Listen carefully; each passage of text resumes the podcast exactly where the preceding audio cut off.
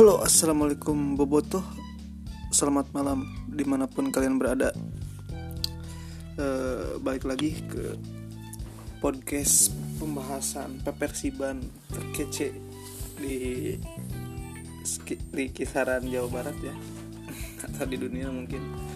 Oke uh, uh, pada kesempatan kemarin pas pertandingan tandang melawan Borneo FC saya tidak sempat nonton karena ada keperluan dan saya cuma lihat live score.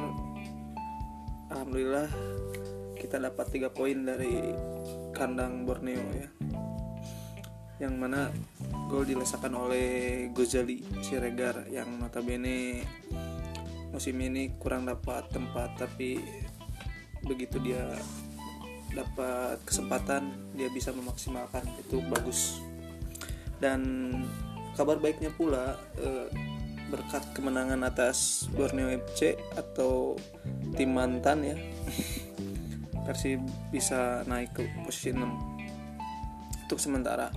Dan mungkin jika di dua laga sisa nanti ini nih Persib bisa memaksimalkan laga atau bisa meraih hasil maksimal yang mungkin bisa kelima besar pokoknya tetap di papan tengah dan dipastikan lolos dari degradasi karena setelah pertandingan Persib pertandingan yang menentukan tim yang de, yang didegradasi musim ini digelar juga dan sudah ketemu di mana aja yang akan terdegradasi musim ini. Pertama yang akan menjadi lawan Persib Senin ini yaitu Badak Lampung. Terus yang kedua Semen Padang. Yang ketiga yang juru kunci kalau nggak salah ya Kalteng Putra. Dan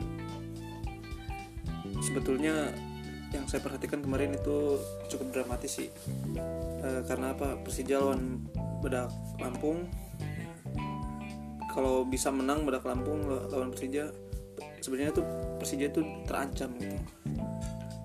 Ini jadi sebuah story tersendiri ya yang mana klub kemarin musim kemarin bisa juara dan musim ini tersyok-syok hampir terdegradasi.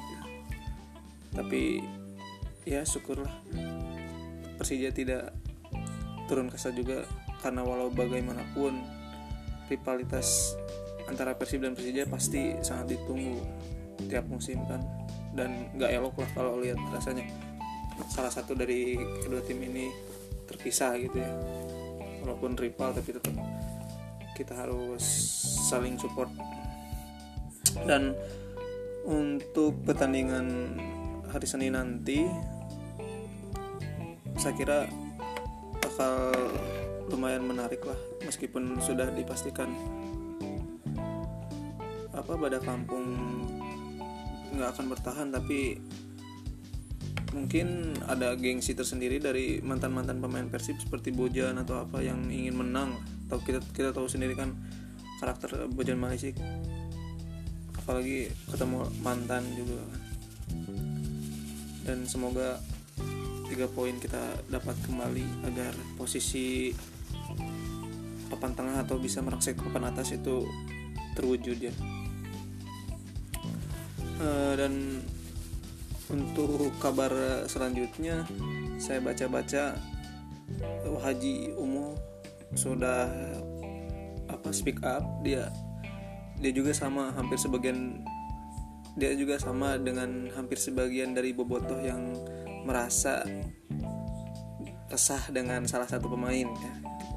Kita ya udah sebut saja namanya uh, Kevin Van Keperluis yang mana dari, dari awal dia dibeli dari nggak tahu klub apa kan tiga orang tuh Omid, uh, Nick Wiper sama Kevin.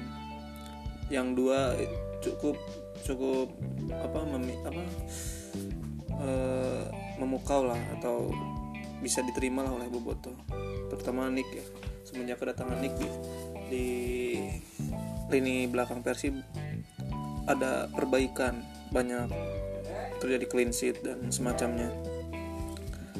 Omid juga ya walaupun kemarin-kemarin performnya turun lagi tapi setidaknya dia bisa apa ya bisa dia bisa tune in lah dengan squad yang saat ini ada.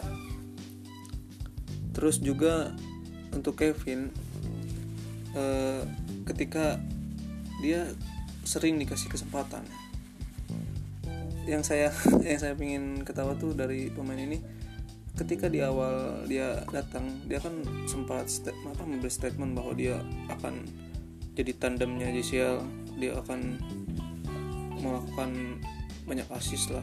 Terus dia dia sudah lihat video tentang permainan JCL oh pokoknya dia seperti orang yang paling paham eh tahunya pas begitu main pas awal dia main juga sebenarnya saya saya sendiri nih saya pribadi sudah nggak serem lihat permainannya kok kayak gini gitu. Beda dengan waktu Johnny Bowman datang pas begitu debut wah kelihatan gitu udah udah ada kelihatan lah kalau pemain bagus tuh. Ini ya kita kita bisa pahami lah satu dua laga dia kurang berkembang dia kurang dapat banyak peluang tapi makin ke sini makin ke sini makin aneh gitu postur tinggi tapi untuk rebutan bola atas aja dia terkesan tidak mau gitu. Beda dengan si EJC ya meskipun dengan watak dan sifat yang arogannya tuh tapi secara permainan dia memang mumpuni. Baik bola atas eh, dribble dia bisa kuasai. Ya walaupun sekali dia juga suka diving kan di kotak penalti dikasih penalti kadang gak masuk berapa kali kan. Musim ini hancur lah. Malah kartu kuning kalau nggak salah udah 10 ya. Dibanding jumlah gol lebih banyak kartu. Tapi itu harus jadi evaluasi lagi untuk tim pelatih lah. Apa si EJ juga dipertahanin atau dilepas. Tapi kalau dilepas dan dibeli sama klub Liga satu lainnya saya jadi riskan juga sih. Takut Persib tidak dapat ganti yang sepadan tapi itulah terserah musim depan. Gimana pelatih kumaha pelatih. Yang penting eh, seorang Haji Umum saja sekarang udah udah speak up ya. Bahwa dia nggak berkesan dengan permainan si Kevin ini. Ya sebagian boboto ada yang sadar ada yang enggak gitu. Mungkin ya namanya ya normal ada yang pro ada yang pro ada yang kontra. Tapi dengan ciri khas Haji Umuh juga dia kan selalu bikin kontroversinya tuh seperti ini. Seperti ada kata-kata bahwa ada tujuh pemain yang ingin melamar ke Persib eh, lokal dan main asing mungkin ya. Nah, itu kan sepertinya nggak nggak enak atau nggak etis lah untuk diungkapkan saat ini gitu.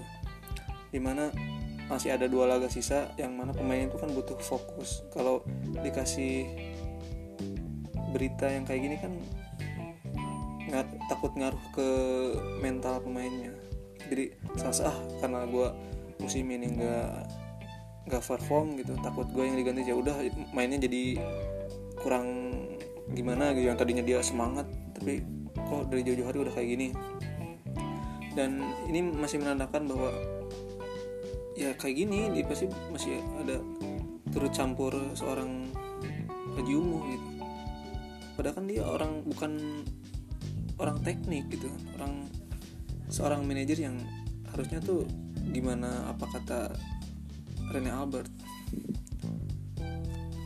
Nggak tahu uh, musim depan dia jadi pensiun atau tidak. Tapi saya sih untuk hal-hal seperti ini seperti tentang pemain itu kurang serp lah dengan Haji. Kalau dengan yang lainnya tegas dia terus emang loyalitas dia kan sudah tidak kita ragukan lagi. Dan mungkin itu saja ya e, di antara dua pertandingan sisa ini mungkin lawan PSM yang agak ini meskipun PSM juga sama tidak seperti musim lalu ya yang brilian tapi cukup berat lah jika kita lihat ditaruh di akhir ya kalau nggak salah lawan PSM semoga besok dapat tiga poin dan pemain-pemain yang diturunkan saya harap eh, nggak uh, tahu si Pret kenapa ya saya harap sih si Pret dikasih kesempatan lagi mungkin uh, Febri atau Gozali ya bisa lah. Tiga pemain ini siapa yang jadi cadangan siapa yang main duluan gitu kan. Dan oh ya dan untuk siapa? Zalnando ya. Sangat sangat uh, apa namanya sangat sangat meningkat tajam ya performanya untuk di separuh akhir musim ini. Terlihat jelas dari dia banyak dikasih kesempatan sekarang dibanding ya itu nah nah ya. Saya heran sama pemain itu. Uh, apa ya? Karena ya ini ini bukan bukan bukan personal ya tapi emang secara permainan gitu saya saya lihat secara permainan walaupun ini sedikit kejam mungkin. Ya kalau untuk musim pertama atau dua musim pertama kita masih maklum lah mahfum gitu. Kalau hand hand main gitu. Dia dapat bola terus terlihat panik gitu kan. Dan bisa jadi berantakan gitu mau pas bola ke teman bisa jadi salah passing atau dia dribble kena atau salah antisipasi ya mungkin kita bisa paham untuk satu dua musim pas awal waktu. Itu kan dia barengan sama Febri ya. Harusnya kalau kita lihat Febri itu dia kan sekarang udah mulai ini lagi udah mulai ke top performanya lagi. Tapi untuk ini saya pikir stagnan di bukan skill ya mungkin performanya itu stagnan. Nggak tahu kalau di latihan dia emang bagus atau gimana. Cuman yang saya lihat pas dia main itu di pertandingan. Ada bola mendekat tuh dia seperti panik gitu. Nggak ada orang yang ngepres juga dia sudah uh, gimana panik gimana gitu dapat bola tuh. Makanya tidak seperti musim-musim pas begitu pas dia musim berapa ya? Sangat bagus tuh. Bahkan waktu ngolongin si Zulham Zamrun kan dia dia di ibaratnya dipancing emosinya dia tetap santuy gitu itu musim-musim terbaik hand hand menurut saya. Jadi dia punya ciri khas baju selalu dikedalamin selalu rapi lah. Gitu tapi untuk musim-musim sekarang malah tidak ada peningkatan dari performanya. Padahal kan dia udah nggak bisa disebut lagi pemain junior atau apa apa pemain bintang dari klub maksudnya dari klub junior ya. Dia udah jadi senior lah di sini seharusnya ya kalau ada apens dan performa harusnya ya seperti Febri lah. Dia kan kemarin juga kan sempet down di kritik sama Boboto sekarang kan meningkat lagi performanya. Dan untuk ini saya nggak tahu gitu.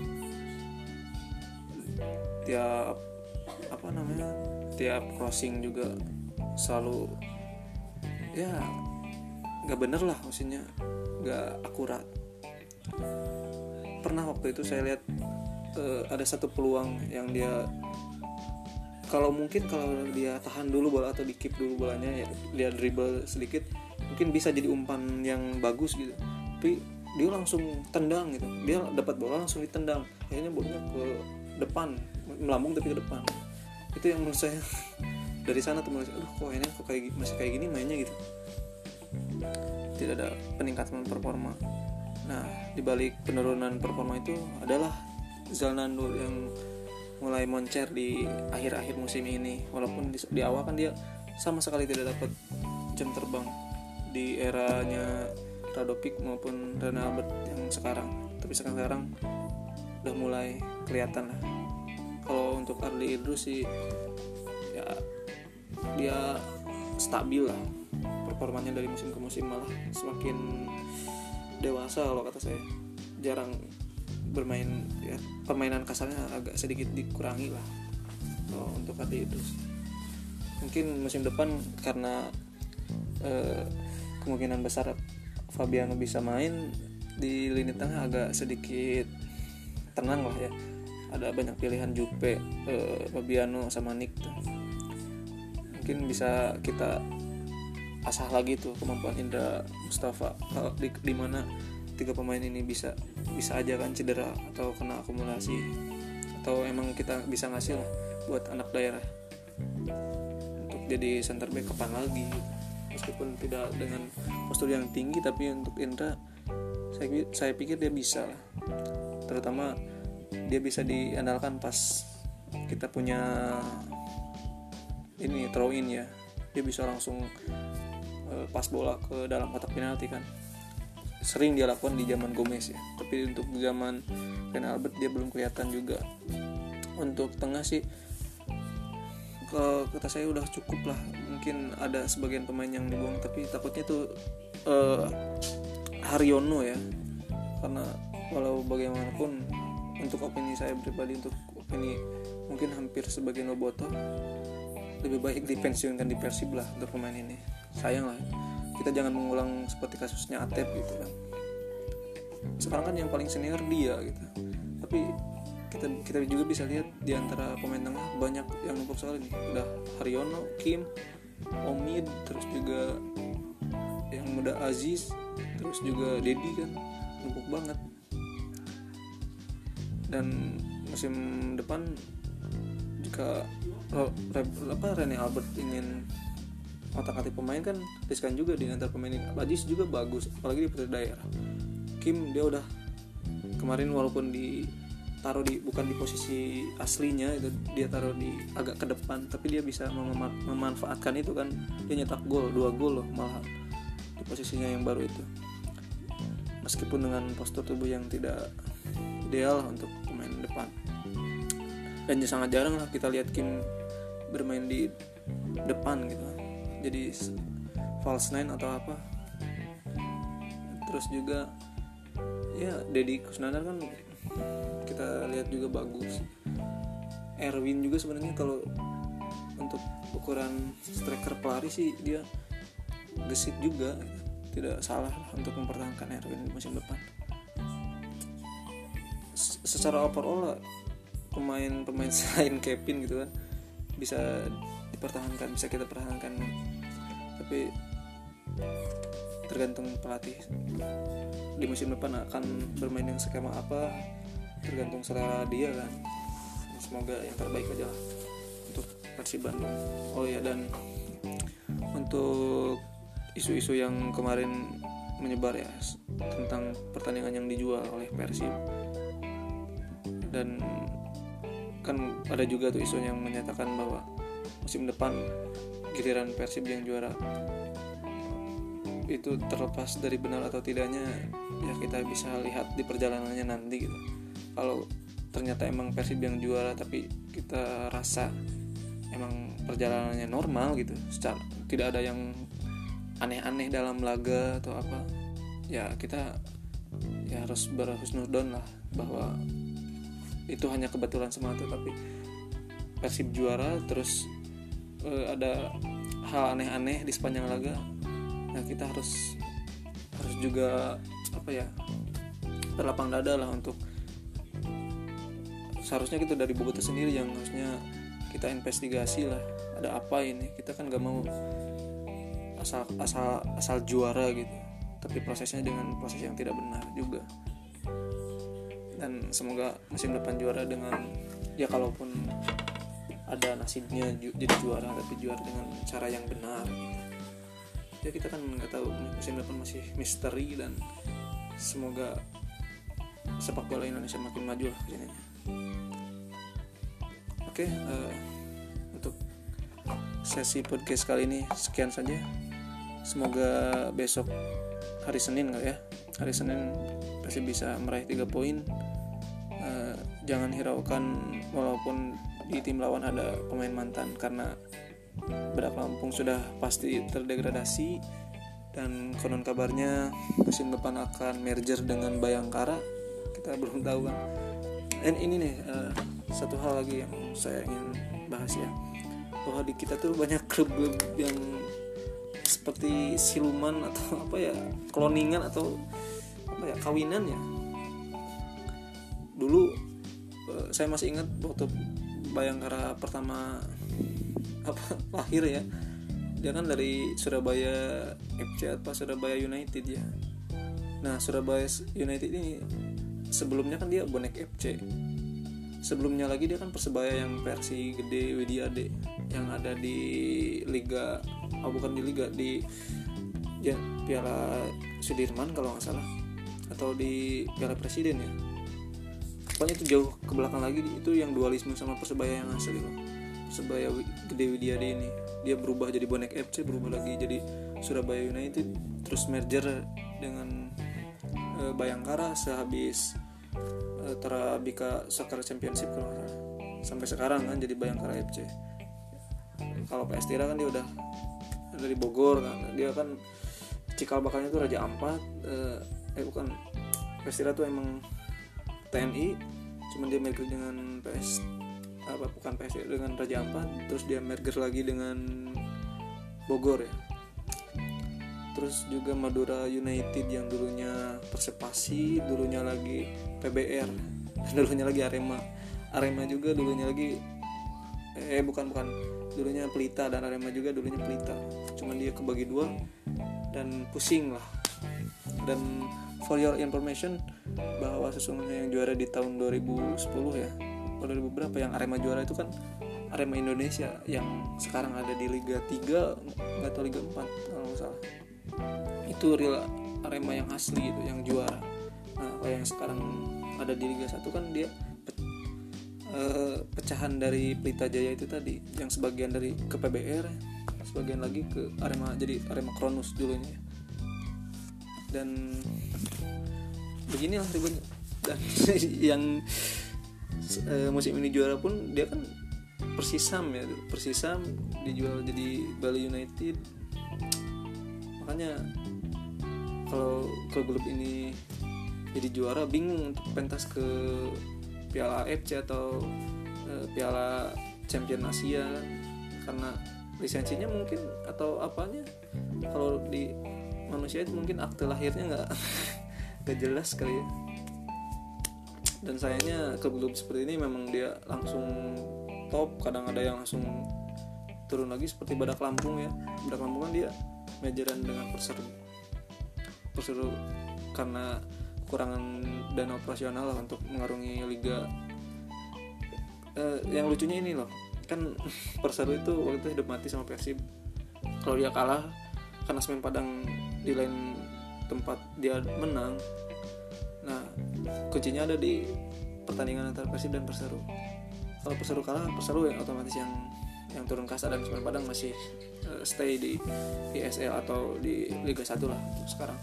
Nah karena Perseru yang menang lawan Persib jadi akhirnya Perseru yang bertahan. Tapi untuk mengarungi Liga musim depan dia nggak punya dia udah nyerah gitu nggak bakalan kayaknya nggak bakalan ada lagi sponsor gitu. Makanya dia langsung jual dan jadilah Badak Lampung. Atau mungkin sebelum Badak Lampung apa kalau ya mungkin bisa dikoreksi lah atau kalian bisa cari tahu sendiri. Yang, yang jelas yang sekarang jadi Badak Lampung itu perseru uh, sudah itu saja mungkin kota-kota lain juga bisa meniru apa yang dilakukan oleh klub-klub di Liga 1 kali. Jika dia punya duit ya udah lihat tim-tim Liga 1 yang mau collab gitu. Ganti semacam apa Persela kemarin atau PSIS ya tapi kalau klub-klub yang dengan sejarah yang panjang terus juga dia berprestasi sih sangat sukar lah. Mungkin dia belinya klub-klub yang ya yang kurang yang kurang banyak didengar lah bisa. Dan basis supporternya yang kurang. Tapi tidak tahu juga yang dulu ya Persisam dia bisa sampai dijual. Tapi untung udah ada gantinya jadi Borneo dari klub apa? Di Borneo FC e, dan untuk tim-tim yang masuk ke Liga satu musim depan selamat. E, Persi Kediri Persita Tangerang sama siapa lagi, siapa lagi ya itu. Oh Sriwijaya kalau eh oh iya ini Persiraja ya Persiraja. Persiraja waktu musim-musim kemarin dia pernah main di liga tertinggi cuman dia degradasi lagi sekarang maju lagi. Uh, salut sama Persik Kediri uh, especially ya. Karena dia sempat turun ke divisi 3 terus bangkit ke divisi 2 dan sekarang masuk lagi ke, ke Liga 1 dan itu sangat-sangat kita harus apresiasi lah perjuangan mereka perjuangan manajemen mereka untuk bangkit lagi itu sangat sangat sulit lah. Di liga yang ya di liga yang tidak ada apanya ya. Sering nggak jelas kan liganya sering nggak jelas sendiri. Dan tidak perlu yang harus merger merger supaya kita bisa pentas di Liga 1 gitu. jadi dengan sabar manajemen Persik Kediri bisa bisa meyakinkan diri bisa meyakinkan pemain dan fans dari Kediri mungkin. Karena kita tahu di zaman tiga jarum Kediri di zamannya Eloko Gonzalez sangat sangat kuat dan meskipun tidak mungkin tidak bisa lah untuk mengalahkan karena dulu berapa kali juara ya di edisi Liga Jarum. Ketika pemain asing tidak ada yang tidak ada pakemnya kan hampir bisa 8 pemain satu klub bisa beli pemain asing. Tapi semua berubah ketika aturan APBD dihilangkan klub-klub kolaps ya. Uh, tidak ada pemasukan dana pemain asing mulai dibatasi. Udah dibatasi harus ada yang dari Asia juga dua kuotanya. Makin merana lah klub-klub Indonesia waktu itu. Tapi dengan dewasanya dengan besarnya klub Persib setiap aturan tidak ada yang apa tidak ada yang dikatakan sangat berat ya. Semua dilalui sampai sekarang kan eksis karena besarnya saking besarnya klub ini gitu. Semoga bisa berbanding lah dengan prestasi prestasi klubnya prestasi supporternya. Kita harus doakan. Uh, dan secara pribadi saya harap uh, maupun klub atau supporter bisa jadi pelopor untuk hal-hal yang baik untuk hal-hal yang maju dan baru di sepak bola. Sudahlah kita harus tinggalkan apa-apa yang buruk dan jadi image negatif bagi sepak bola Indonesia atau klub-klub di Indonesia. Saya rasa itu sih yang paling penting. Jadi tidak hanya menjadi apa ya slogan saja pasti besar dengan sejarahnya dan kita harus emang kita itu tuh itu udah jadi identitas sendiri tapi dibalik e, kebesaran nama itu kita jangan jumawa lah. Tapi kita harus uh, ya kita ini emang klub bola dan tidak lebih dari itu. Makanya fanatismenya agak di ini loh di pakem gitu. Supaya tidak kebablasan dan bisa apa ya mencederai norma-norma lah karena ya ini agak melenceng sedikit ya. Karena dari kebablasan itu tadi kita bisa saling bunuh kita bisa saling caci maki antar sesama supporter se Indonesia satu Indonesia loh ini. Kita boleh fanatik tapi ya harus ada tempat dan tempatnya gitu lah. Harus ada waktu dan tempatnya. Selepas dari pertandingan ya kita bisa berjabat tangan lagi kita bisa hi lagi gitu itu yang harusnya jadi pembaruan di Liga Indonesia dan saya harap di kongres kemarin ada satu sosok nama baru yang punya visi yang benar-benar mateng gitu untuk memperbaiki kualitas liga, kualitas timnas atau kualitas klub yang ada di bawah naungan PSSI itu. Tapi melihat yang terpilih ya itu dan ya kita cuma bisa berdoa aja. Semoga emang ini takdirnya dan dia bisa merubah. Kita hanya bisa uh, apa namanya melihat dan mengamati lah. Kalau mungkin kalau ada kasus-kasus lagi atau ada yang benar lagi pasti dibuang lagi diganti lagi sama PLT diganti lagi gitu aja terus sampai Naruto punya cucu ya. Oke. Untuk sementara sampai di sini saja udah hampir 30 menit. Saya bersama kalian Boboto semoga pertandingan besok dapat tiga, tiga poin entah itu berapa golnya. Semoga enak ditonton pertandingannya dan tidak ada lagi eh, hal-hal yang tidak diinginkan. Khususnya Persib bisa didenda atau tidak ya. Jangan ada lagi denda denda denda dan denda karena itu merugikan dan enjoy menonton di stadion atau di layar kaca. Dan bye bye assalamualaikum warahmatullahi wabarakatuh